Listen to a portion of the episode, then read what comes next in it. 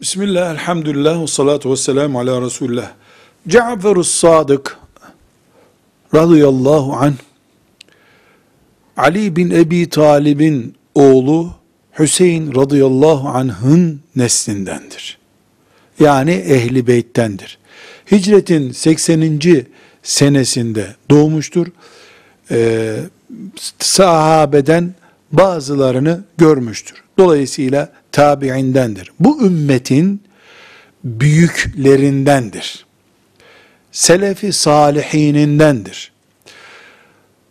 Rafiziler yani Şia'nın Ali radıyallahu anh'ı güya öne çıkarıp Ebu Bekir Ömer radıyallahu anhumayı yok kabul eden aşırılarının imanı tehlikeye girmişlerinin Cafer-ı Sadık üzerinden e, naklettikleri pek çok haber vardır.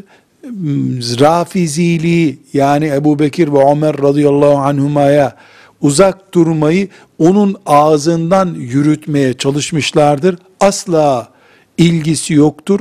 Cafer-i Sadık bu ümmetin büyüklerindendir. Cafer-i Sadık Ebu Bekir ve Ömer radıyallahu anhumanın yolundadır. Hiçbir şekilde ashab-ı kiramın aleyhinde konuşmamıştır. O ehli beytten yani Ali radıyallahu anh'ın torunlarından olduğu için onun ağzından uydurulmuş sözlerin siyasi değeri bulunacağından Rafiziler tarafından kullanılmıştır ismi ama bu ümmetin büyüklerindendir. Bu ümmetin ulemasındandır. Bu ümmetin önderlerindendir.